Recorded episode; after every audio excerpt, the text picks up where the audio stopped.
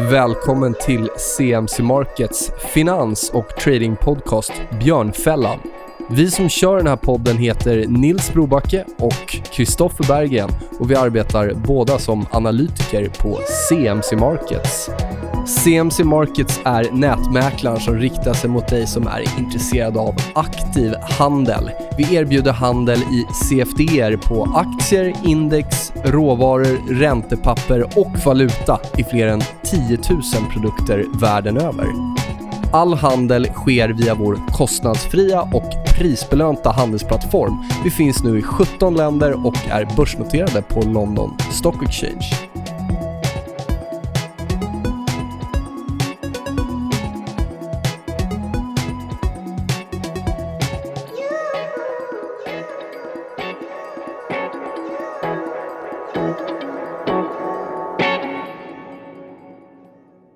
I år så har ju verkligen oljan varit en risk-on trade. Vi såg att den toppade i september oktober. Ja, korrelationen mot börsen är enormt hög ja. om man tittar på det. Det är galet nästan. Hur ser det ut nu? Det finns ju om man tittar, eh, i alla fall enligt den tekniska analysen, så handlas vi väldigt viktiga nivåer i eh, bland annat crude Brent kring 60 US-dollar som är, eh, är långa horisonter menar jag på en viktig skiljelinje. Har ni någon syn på oljan och, och vad händer om vi fortsätter ner härifrån? Men vi har väl haft en syn Eh, på oljan. Och det är väl en av de sakerna som, som gick lite fel, eh, under, framförallt under senare delen av förra året. att Den lediga kapaciteten är inte så stor. Eh, och, menar, efterfrågan på olja fortsätter ju, den stiger någonstans med världstillväxten. Så det är klart, man måste ju pumpa fram mer olja. Och, och det, är, det är ganska tajt från, från början. Och, och, Sen har vi Venezuela som har minskat sin produktion jättemycket, så de har sina problem. Och sen det underinvesteras i prospektering, väldigt, att leta ny ja, olja. under väldigt lång tid. Och Sen så uh, har man ju de här sanktionerna mot Iran uh, som gör att de har svårt att få ut sin olja på världsmarknaden. Och det är klart, nu lättar man ju på de här sanktionerna. I samband med att det, det, här svängde runt lite grann från toppen och, och liksom när det rasade ner så var det ju att man, man släppte ut iransk olja. Och dessutom så pumpade OPEC upp lite mer. Så att nu är det ju någonstans eh, mer balans. Men det, det, det, här är ju liksom, det, det är en ganska tajt, tajt situation, så det går ganska snabbt från att man har överutbud till att man har underutbud. Och jag menar, det, vad ska man tro om oljepriset? Så här, det är väl en typisk sån sak som ingen vill svara på, för det är nästan omöjligt att bedöma. Men det är klart, den långsiktiga nivån rimligt på oljepriset borde ju vara vad det kostar att plocka upp den med någon typ av marginal. Och, och då, då, tror jag liksom att någonstans i ett grovt spann, kanske då 40 till eh, eller vad säger 50 till 70 dollar, det är nog ganska, det är kanske långsiktigt hållbart att ha det. Hamnar man under där, då lönar det sig ju liksom inte att plocka upp oljan överhuvudtaget. Då kommer ju ingen att göra det. Och då pratar du crude Brent alltså? Ja, mm. men eh, det, det, här, det är liksom kommunicerande kärl någonstans, det spiller ju över. Och det är klart, kommer man upp liksom som vi hade mot 80, 90, 100 dollar, då, då lönar sig ju bara, Då kan man stoppa ner eh, en borr liksom mitt ute i Atlanten i princip och få upp olja, att det lönar sig. Så, så det, det, finns ju en jämvikt där någonstans, men sen är det otroligt stora slag, för det går ganska snabbt där. Och det, är det är mer en fråga om hur mycket utbud det finns. Sen efter, efterfrågan är ganska lätt att prognostisera ändå. Ska säga. Använder ni eh, exempelvis HG någonting? För du nämnde att ni har haft lite oljetema och så där, eller energitema. Använder ni det som någon form av känsla för sentimentet kring energirelaterade bolag eller är det en indikator ni använder överhuvudtaget? High Corporate Bond Index för lyssnarna. Och så finns det Jank. JNK? Ja, alltså vi som håller på med, med krediter, vi tittar ju givetvis på det och iTracks och så vidare.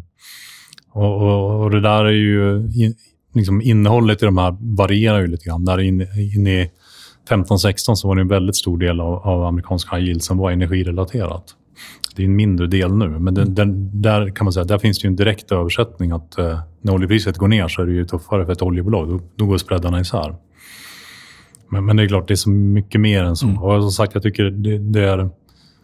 Det är inte jätteenkelt spel det här med oljan eftersom det är politiskt. Och, och OPEC kommer ut och Trump är ute och det är sanktioner. Och, och, alltså det, det, är en ganska rörig bild, ska jag säga. Men generellt kan man konstatera i alla fall att det finns någon, någonstans en jämvikt där man plockar upp oljan men sen som sagt, man måste ju återinvestera. För att när man pumpar upp olja i en källa till slut så är, ju, är den ju borta. Så då måste man ju ha en ny källa. Och när man under en lång tid då inte investerar i, ny kapacitet så, så, så det är klart att då ska det ju finnas ett tryck uppåt vid något tillfälle. Det är väl ungefär som Anders båtar. Att det är klart, om man inte bygger några nya båtar, men det är ändå så att fraktvolymerna ökar, så, och så skrotas det väl några båtar också. Så det är klart, finns det bara en båt kvar så blir den ganska... Den, den kan ta ganska bra betalt. Mm. Så det är samma dynamik egentligen, men på en annan horisont. Det gäller ju alla råvaror egentligen. Men oljan är extrem och kanske frakt också, men det är väldigt liten skillnad i utbud mot efterfrågan kan få väldigt stor mm. påverkan på priset. Med olja, någon procent hit eller dit i utbuds-efterfrågebalansen får enorm påverkan på priset. Medan andra råvaror eller andra typer av industrier så är det inte alls samma effekt. Precis som på börsen så drivs ju idag råvarumarknaden ja, till absolut största del av automatiserad handel. Om vi kollar på volymer. Eh, bra bit över 80% Hur ser ni på det faktumet? Ja, men det där är en intressant grej, tycker jag. För det där, när ni, eh, ni frågar om likviditeten. Jag, jag känner mig ju gammal eh, i, i det här gamet nu jämfört med många andra man träffar. Men det är ju så att man kan prata liksom om, om, en mikrostruktur på marknaden, hur, hur, den fungerar. Den har ju förändrats enormt mycket, enormt mycket på de senaste tio åren. Och Det är ju någonting som du säger, det fortsätter. Det kommer in överallt i samband med obligationer och valutor. Det är automathandel eh, baserat då på, på algoritmer. För de som inte varit med, då, vad är skillnaden? Vad har hänt de senaste tio... Ja. Nah, det är flera saker som händer, tycker jag. Likviditet, om man tar, om man tar high yield till exempel, hyggen. Den handlas ju många, många gånger fler än vad de underliggande obligationerna handlas.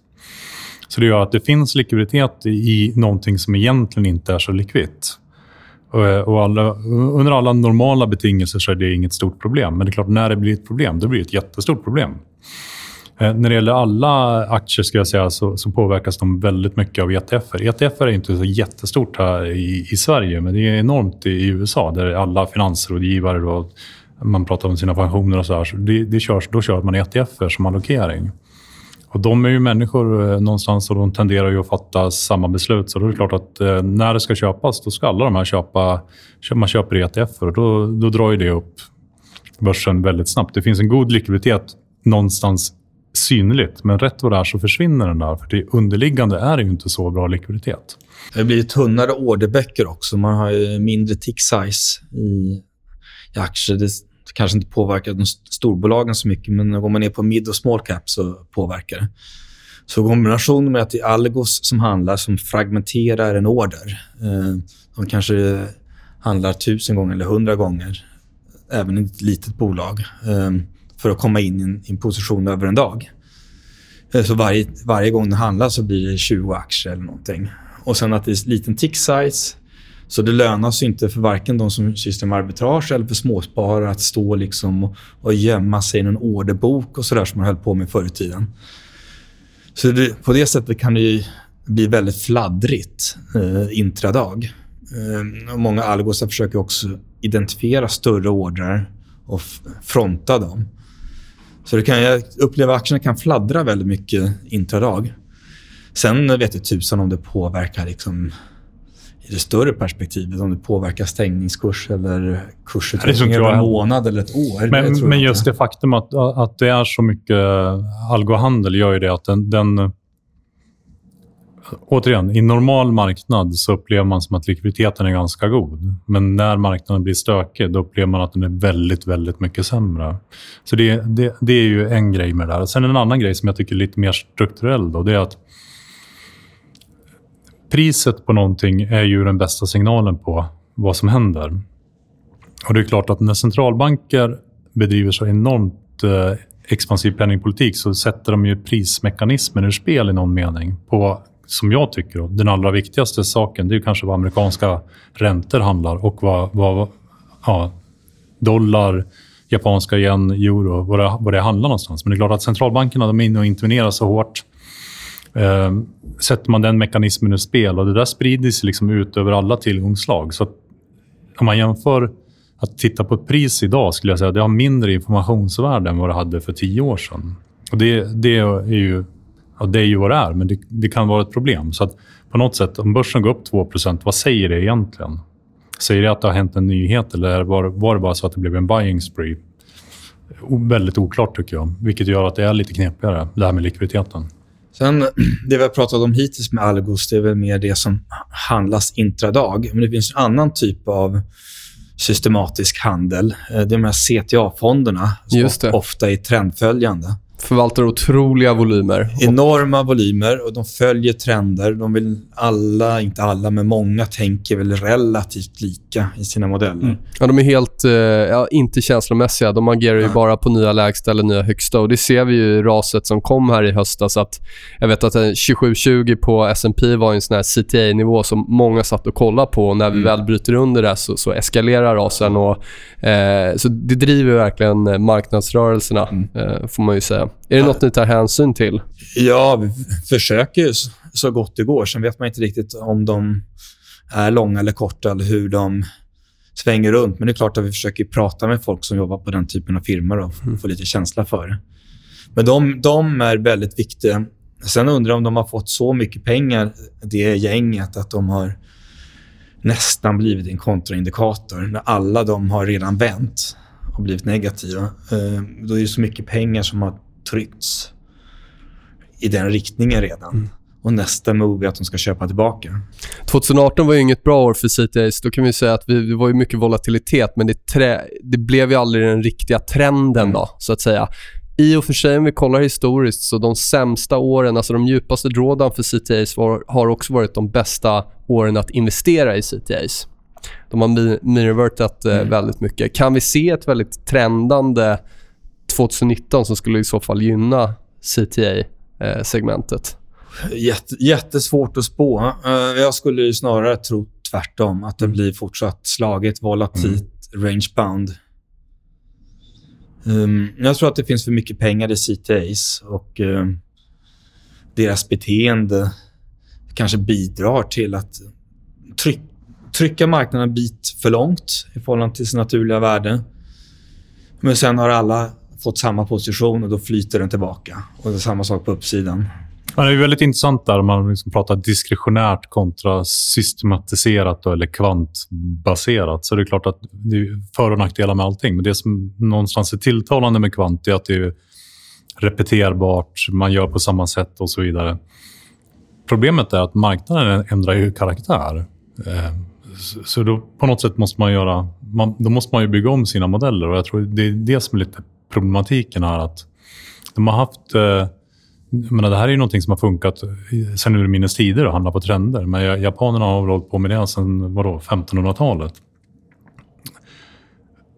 Men det har inte funkat speciellt bra de senaste åren. Och jag tror att det marknaden har ändrat karaktär. Och, och, det är klart, det finns väl inte en oändlig pool av, av alfa att ösa ur. Och har man high frequency traders som, som någonstans plockar ut en del av det här. Så det, det blir mindre över till, till, till någon annan. Jag tror att just de som är, är kvantbaserade ja, de öser liksom ur samma alfapool på något sätt. För det är sam, någonstans ändå samma, samma sak som man försöker åstadkomma. Att göra någonting som är repeterbart. Så det, det, där är svårt, men det är svårt att säga om. Liksom. Jag, tror inte heller, jag tror som Anders, jag tror att det här kommer snarare kunna vara ett år som är lite stökigt, som kan vara tufft. Inte bara för dem, utan för många. De behöver ju också långsamma rörelser. Som du var inne på, när det går ner så försvinner likviditeten, vilket gör att man får väldigt kraftig rörelse på nedsidan, så studsar det. Det är som en liten tanker som ska liksom vända. Den hinner ja. inte vända i den rörelsen, utan då är den inte riktigt, men typ kvar i samma position. Sen behöver den behöver liksom lugna ner sig och fortsätta mm. trenda långsamt. Finanskrisen var det 2015 också. De hade ett riktigt bra där de får trendande marknader och kan liksom mm. där plocka alfa. Mm. Men det, det klimatet finns ju inte så länge inte den likviditeten på nedsidan finns.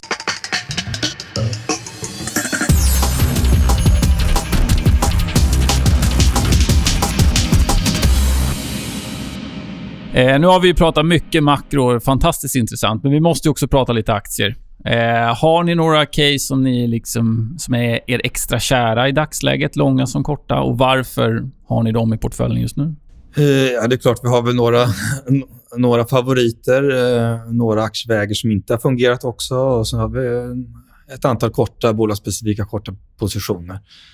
En aktie som vi har pratat en del om eh, externt också i månadsbrev och så vidare i Ambea. Eh, vi tycker att eh, den sektorn har väl under förra året, början på förra året, varit alltför lågt värderad. Det har ju påverkats av hela den politiska debatten och ehm, liksom, eh, liksom, vinster i välfärden och liksom den problematiken. Men med det parlamentariska läge vi har nu, får vi i och för sig se vad det blir till slut, men sannolikheten att eh, det blir problem är ju rätt låg. Ja, Vänsterpartiet lär inte få så mycket att säga till om Nej, andra exakt. kommer väl inte gå in och förstöra. Eh, Den aktien har ju också omvärderats en del eh, på detta, så att en, en, del av detta har redan, redan skett. Men jag tycker ändå att det är ganska bra värde. Sen har vi haft, jag vet inte om ni har läst våra månadsbrev, vi har pratat om eh, värde eh, versus growth. Och eh, under 2018, framförallt eh, som, våren, sommaren, kanske hösten 2018, så har värde gått otroligt dåligt. Um, sen oktober, november så kommer growth också ner. Men det var en ganska stor del av året som värde underperformade väldigt kraftigt. Vi eh, inser ju givetvis att värdeaktier ofta har lite mer cyklisk komponent än, än tillväxtaktier. Så det klart, om ekonomin bromsar in så är det logiskt att värde går lite sämre. Men jag tycker det finns ganska många billiga aktier eh, samtidigt som vissa aktier är kvar på väldigt höga multiplar. Så den, den skillnaden är lite för stor. Så vi vill fortfarande lutar mot att man ska vara value-oriented snarare än momentum och tillväxt. Eh, en värdeaktie, om man kan kalla det, som vi har varit till och från investerade i som inte har fungerat, eh, som har gått dåligt, men som vi har faktiskt lite grann kvar i fortfarande, är Pandora. Eh, vi pratade om det tidigare. Man vet inte om det är krimskrams eh, som är helt omodernt om några år eller om de har en, en väldigt stark brand och position och kan fylla den med, med förnyelse och nya produkter och så vidare och eh, stabilisera like for like och börja växa igen.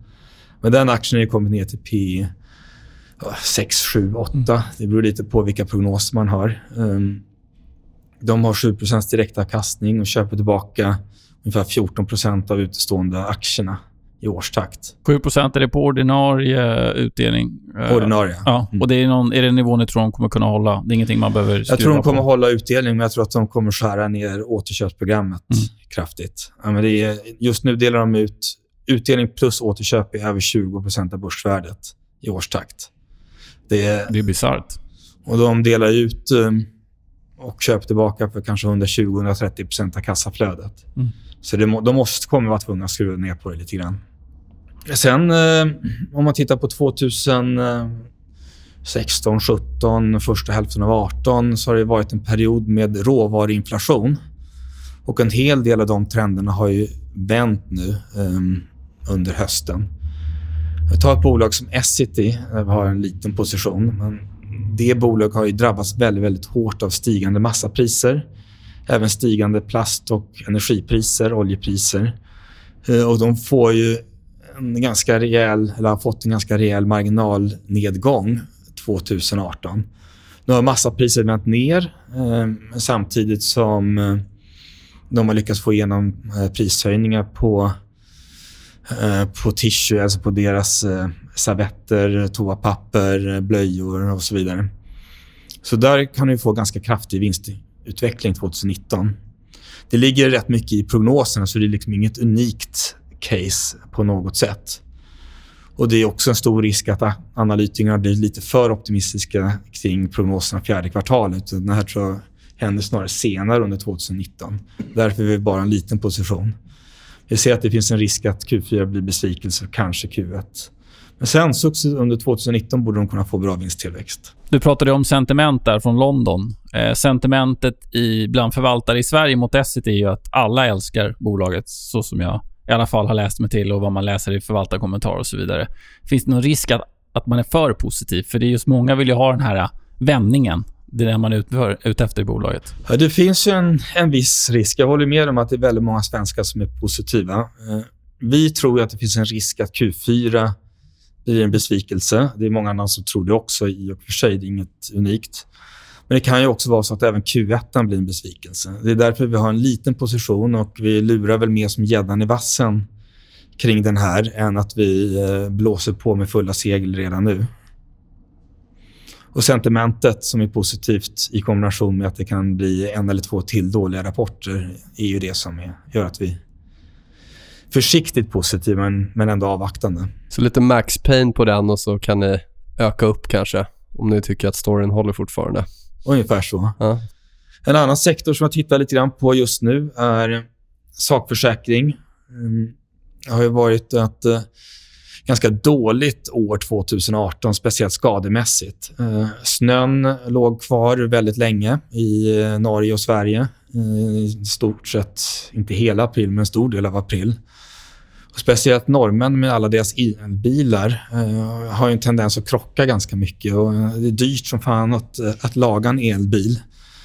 Så det, det blev ju mer skador än väntat helt enkelt. Speciellt i Norge och trafik, men även i Sverige. Och Sen hade vi skogsbränderna i somras. Det drabbade kanske inte jättemycket de börsnoterade bolagen, utan mer de ömsesidiga, men lite grann spillde över också. Så lönsamhetsmässigt så har 2018 varit ett tufft år. Eh, samtidigt så är det en ganska konsoliderad bransch, ett oligopol. Så när det blir tufft skademässigt så går alla ihop och höjer priserna. Och det tar ju 12, ibland upp till 24 månader innan det här kommer igenom kundstocken. Ehm, så förutsatt att det inte blir en massa snö igen i mars-april i år och skogsbränder under sommaren så finns ju förutsättningar för att lönsamheten successivt blir bättre. Och kanske 2020 kan bli ett riktigt bra år. Åt andra hållet eh, så kan man titta på bryggerierna. De hade ju en fantastisk sommar 2018. Värmen, eh, givetvis. Folk drack mycket öl och också såna här long drinks. Eh, Royal Unibrew säljer den här Original Long Drink. Stor speciellt i Finland. Finns även här. Eh, ovanpå det så hade vi fotboll eh, som driver ölförsäljningen. Inte minst i Ryssland där Carlsberg är stora. Eh, och sen så dessutom eh, så hade vi en ganska lätt jämförelsesiffra för det var så dåligt 2017 sommar. Så det var ett jättebra år för dem. Problemet med 2019 är att inte nog med att sommarvädret måste bli minst lika bra för att du ska kunna matcha den svåra kompen. Men sen har ju det torra vädret 2018 gjort att spannmålspriserna eller maltpriserna gått upp. Så de får högre inputkostnader som de måste föra vidare på kunden med prishöjningar. Kommer kunden acceptera det? Kommer man dricka lika mycket om sommarvädret inte är lika fint och priserna har gått upp? Innebär det att ni är kort Carlsberg då? Vi har en liten kort på. Mm. Det, när du säger, du pratar om SET, vi har en liten position, liten i Carlsberg. Det här med positionshantering är väldigt intressant. Vad innebär en liten position? Är det 0,1 procent av AUM? Eller hur, hur ser er positionshantering ut? Alltså det är större än 0,1 procent. Ja. Men om vi, om vi säger så, det här är en inblick i hur vi tänker, hur vi resonerar. Och, eh, det här är ett, par grejer som jag liksom sitter och aktivt jobbar med, som jag har dragit här. Mm. Så det är grejer som kanske, kanske inte är på väg in i portföljen och lite resonemanget bakom hur, hur, hur jag tänker. Precis. Om vi eh, tittar på performance. Eh, ni är inne i er, tror jag, längsta drawdown, eh, vad vi har sett på lite drygt 11 månader, som startade 2018, början där. Hur ser ni på drawdowns? Eh, hur påverkar det er mentalt och, och skulle ni säga att ni agerar olika i, i, i drawdown alternativt eh, högsta eh, när ni gör nya högsta då, på equity-kurvan? Jag kan väl ta den frågan. Det är klart Ja. att menar, det finns ju flera saker. Det, det kanske viktigaste det är väl eh, att vara medveten om. Det är ju det att när det går bra, då fattar man bättre beslut. Och när det går dåligt så fattar man sämre beslut. Så när det, när det går dåligt så... Och det är erfarenhetsmässigt. Så är det bara. Man tänker inte riktigt på samma sätt av någon anledning. Mänskligt, skulle jag säga. Med den insikten så är det klart att när det går dåligt så då är man, ju, är, är man någorlunda balanserad och då tar man ju inte mer risk utan man tar ju mindre risk. Så på det sättet är det klart att vi tar lite mindre risk än vad vi egentligen skulle önska. Så är det ju. Men är det, mer, det är mer för att hålla känslorna i styr snarare än att man tvekar på sin strategi, eller? Ja, men det är väl snarare liksom erfarenhetsmässigt Mm. att man fattar sämre beslut. Så att antagligen det, det beslutsunderlag som man sitter eh, fram, och har framför sig är något sämre än vad det är normalt. Så, så då är det ganska logiskt att man försöker att inte vara så yvig, om man uttrycker det så. Det handlar ju väldigt mycket om att ha rätt karta, ha en förståelse för vad som händer på marknaden. Känner man att man har rätt karta, man förstår vad trenderna är, eh, då har man mycket större chans att, eh, att tjäna pengar. Om man har om man tvekar lite på vad, vad kartbilden är, vad makrobilden är, vad centralbankerna gör, då är ju oddsen mycket mer 50-50. Eh, och det är mycket lättare att man lägger på någonting och så, så går det åt fel håll så får man dåligt självförtroende. Så därför man inte riktigt förstår exakt kartbilden så är det bättre att vänta lite, se när det klarnar upp, när det blir tydligare och så gasar man då. Det är bättre för kunderna, det är bättre för performance långsiktigt. Kanske... Just nu så står vi i, som vi pratade om tidigare, i lite av en brytpunktsperiod. Vi har haft en ganska lång period av svag ekonomisk tillväxt, men ändå positiv ekonomisk tillväxt. Någon form av seg, utdragen högkonjunktur drivet av nollränta och väldiga penningpolitiska politiska stimulanser. Eh, och Sen har den här ekonomin då accelererat eh, egentligen 16, 17, första hälften av 18 kanske och eh, börjar se lite inflationstendenser. Eh, samtidigt så har centralbankerna blivit mer åtstramande successivt med tapering och räntehöjningar, precis som vi pratade om tidigare. Och nu har vi kommit till den situationen att centralbankernas räntehöjningar och åtstramningar har ju kanske knäckt tillväxten. Så den bromsar in igen, inte minst i Kina men, och emerging markets, men även i, i västvärlden. Och nu står vi då i frågan, kommer centralbankerna att bromsa upp på sina åtstramningar? Kommer de börja stimulera igen eller inte? Hur envisa är de? Hur mycket måste aktiemarknaden tvinga fram detta genom att gå ner och skrämma centralbankerna? Det har gjort att hela landskapet har blivit lite stökigare och lite svårare att förutspå. Trump eh, och hans trade war är svårt att eh, ha en vy om. Eh, centralbankens agerande är svårt att ha en vy om. Och att i det läget gasa jättehårt eh, känns lite fel också. Mm. Men till det ska man väl lägga också, det som har hänt eh, framförallt under eh, sista kvartalet, det är att de här värderingsskillnaderna mellan bolag de har ökat väldigt, väldigt mycket. Så att, menar, vi tycker väl att det finns, mer, det finns, det finns fler potentiella case där ute. Men som sagt, sen är vi lite, lite stukade så att mm, vi, vi, vi får väl ta det lite försiktigt. Då. Men en sak som, som du inte berörde, Anders, men det är klart att vissa bolag och vissa sektorer handlar ju väldigt nära all time high och andra är vadå, 40% ner på ett halvår. Och sånt där. Så det är klart, där har det ju hänt någonting, vilket skapar möjligheter givetvis. Men det är också intressant. Det är en väldigt svår balans där. Ni, ni säger att det finns intressanta lägen, men ändå vågar man inte riktigt. Eh, så att det är ju vad, vad kan få er att börja våga igen? Och är det något speciellt ni vill se? Att de innehaven ni har börjar ticka åt rätt håll? Eller liksom vad? Exakt. Är det equity-kurvan som ska börja trenda upp? Eller? Nej, men det är väl som, an, nej, nej, jag tror det är som Anders säger. Det man, det man gör är klokt i då, det är att våga lite grann. Mm. Men man behöver inte våga eh, för liksom, kyrksilvret. Nej. Så det handlar ju om det. Om man är investerare då, eh, och tittar på Catella Hedge, vad, vilken plats har den i den totala portföljen? Och ska man se det som ett downside protection eller i vilket marknadsklimat liksom kommer ni att prestera bra? Jag tror vi kommer kunna prestera bra i en, en rangeande marknad. Ehm, mm. Um, bara, bara, vi får liksom känsla av att eh, uh, okay, det här är tillväxtförutsättningar, ungefär så här fungerar centralbankerna. Så bilden börjar klarna så tror jag att det kommer kunna fungera bra. Det finns ju mycket... Det kommer vara mycket prognoser som är felaktiga. Om man har stoppat in rätt eh, råvarupriser, energipriser, valutakurser och så vidare kommer vi utkristalliseras en hel del case som har uppsida eller nedsida. Men alltså, fonden är ju en lågriskfond. Den har mm. 3 standardavvikelsemål som vi styr den emot. Så men man kan aldrig förvänta sig att den ska gå som börsen. Men dessutom då, ska man ha 3% standardavvikelse som vi har, som vi har ju som uttalad ambition att vara okorrelerad med marknaden. Vi har aldrig ett stort netto, så att om börsen går upp eller ner, det påverkar oss inte speciellt mycket. Utan det som betyder någonting för avkastningen, det är ju hur väl vi lyckas i vår stockpicking egentligen. Mm. Och då kan man säga att stora problemet under förra året som vi hade, det var väl att stockpickingen eh, inledningsvis var, var lite risig. Plus att vi förlorade en del pengar på eh, ett durationsspel där vi trodde att räntorna skulle krypa upp eller att europeiska och svenska räntor skulle följa med amerikanska upp. Men, men, men målet är att skapa en avkastning oavsett vilken miljö det är. Men som sagt, man kan inte ta koncentrerade risker, man kan inte ta mycket marknadsrisk utan det är företagsspecifik risk i sånt fall. Eh, och vi har pratat lite om eh, 2019 redan, men är det något ni vill summera där? Eh, synen på 2019, vad, vad kan vi förvänta oss? Alltså 2019 präglas ju av några stora krafter. Eh, vi har ju en inbromsande ekonomi. Och Den inbromsningen beror ju dels på att konjunkturen är väldigt gammal, har pågått ganska länge. Men den drivs också i väldigt stor utsträckning av åtstramningar från centralbanken. Feds räntehöjningar och eh, quantitative tapering eh, det påverkar inte bara amerikanska ekonomi utan kanske ännu större utsträckning emerging markets. Eh, så det är ju en backdrop som vi har som är en motvind 2019. Sen är frågan vad centralbankerna gör.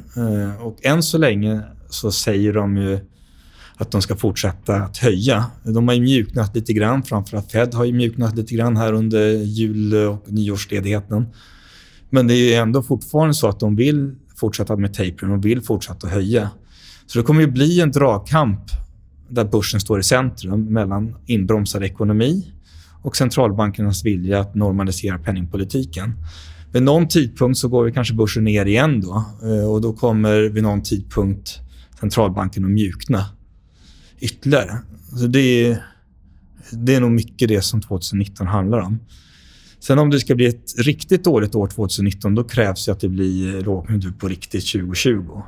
Uh, och Det är för tidigt att, att säga om, om vi tror på det eller inte. Och Vad handlar det om? då? Är det earnings i så fall? som alltså det, som är, det som är absolut farligast det är om, om inflationen fortsätter att gå uppåt. Uh, arbetsmarknadskostnaderna, uh, average hourly earnings, går upp i USA. Um, grejen är att amerikanska arbetsmarknaden är väldigt tight samtidigt som penningpolitiken ändå fortfarande är ganska stimulativ och finanspolitiken är definitivt stimulativ.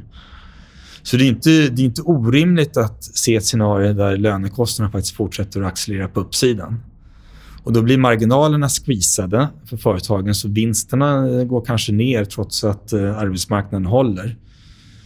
Um, och Då är det väldigt svårt att veta vad Fed ska göra. Kommer de att uh, fortsätta strama åt för att eh, lönekostnaderna fortsätter upp och det finns någon form av inflationstryck? Då kanske de knäcker börsen rejält. Det, det är väl den stora liksom, risken, tror jag. Även trade war som Trump håller på med, ehm, det är ju potentiellt inflationistiskt. Är det någon speciell incident som har gjort er till en eh, bättre investerare eller placerare?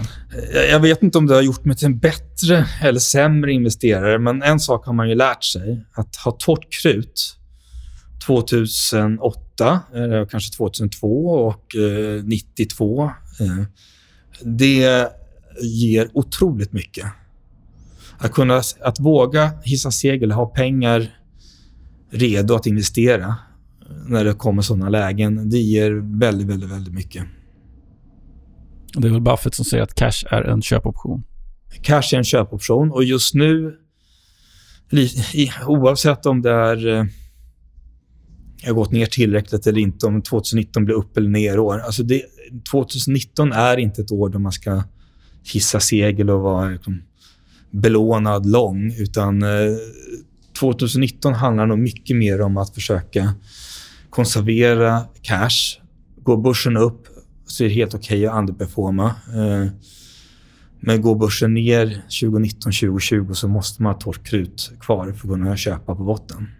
Innan vi släpper iväg, jag kom på en sak. Du nämnde förut att ni använder teknisk analys. Och Det kommer fram när man pratar om, nu kanske ni inte är liksom hardcore fundamentalförvaltare, men det dyker ofta upp att även fundamentala förvaltare gluttar på grafen och vill försöka tajma och så vidare. Hur använder ni er av teknisk analys i er förvaltning eller positionshantering? Eller vad det kan vara? Till att börja med så tycker jag väl vi är fundamentala. Jo.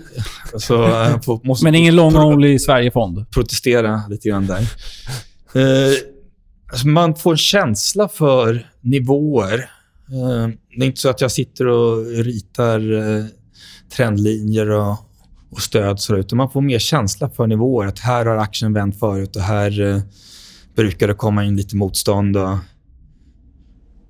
Så det är mer känslan det är, än Det är mer känsla. Det är klart att man kan titta på om den brutit 200 dagars mm. eller mm. inte och lite såna grejer. Och kanske framförallt de viktiga nivåerna, känslan kombinerat med det här sentimentet som ja. du pratade om innan. Ja, men om en aktie brukar vända på en, på en viss nivå så kan man ju prova att kanske shorta lite grann. Men om den då bryter upp ordentligt, då får man nog ta till sig det. Att det här var kanske fel att shorta här. Utan att det är någonting nytt där ute. Om inte annat så triggar ju det den fundamentala delen av hjärnan att eh, ut och jaga, fråga analytiker, fråga mäklare, prata med andra förvaltare, leta nyheter. Finns det någonting som förklarar det här? Ofta kan man i alla fall hitta någon form av förklaring. och Då får man ta till sig den och, och lyssna på den och fundera på den. Så fundamental analys kan ju vara en, en väckarklocka också. Att, eh, eller teknisk analys kan vara väckarklocka. Att om någonting bryter upp eller ner så finns det förmodligen ett skäl. Och eh, det är min uppgift att förstå vad skälet är och ta ställning till det. Ja, man pratar ju ofta liksom om den här motsättningen. Jag menar, de som är, om vi pratar om hardcore eh, teknisk analys, då vill man inte veta av någonting vad fundamenta är. Och, och tvärtom kanske.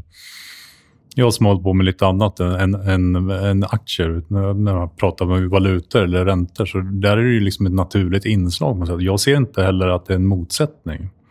Om Anders köper en aktie så vill jag gärna att den trendar upp. Mm. Det vill ju han också, så det är ingen skillnad. Sen är det klart att teknisk analys kan ju vara väldigt mycket. Man kan sitta och titta på Fibonacci-nivåer och, och jättemånga konstiga indikatorer, som vad de nu heter. Det, det, finns de som lyckas jättebra med det. Men, men jag tror liksom, det är ingen motsättning i sig, utan, utan man försöker åstadkomma samma sak. Så jag tycker snarare att det är ett jättebra komplement. Jag är enig. Jag älskar fundamental och teknisk analys. Mm. Jag älskar analys överhuvudtaget. ja, precis. Ja, vad härligt. Vilken pratstund. Vi måste mm. tacka eh, grabbarna här på Catella Hedge. det var mycket matnyttigt både kring enskilda bolag, makro och er syn på ja, 2019 och framtiden. Eh, stort tack återigen. Och eh, ja, Vi kanske får anledning att, att ta en uppdatering mer eh, om något år eller två och se mm. vad som har hänt. Ja, det är vi som ska tacka. Ja. Ha det bra. Ha det gott. Mm, tack så mycket.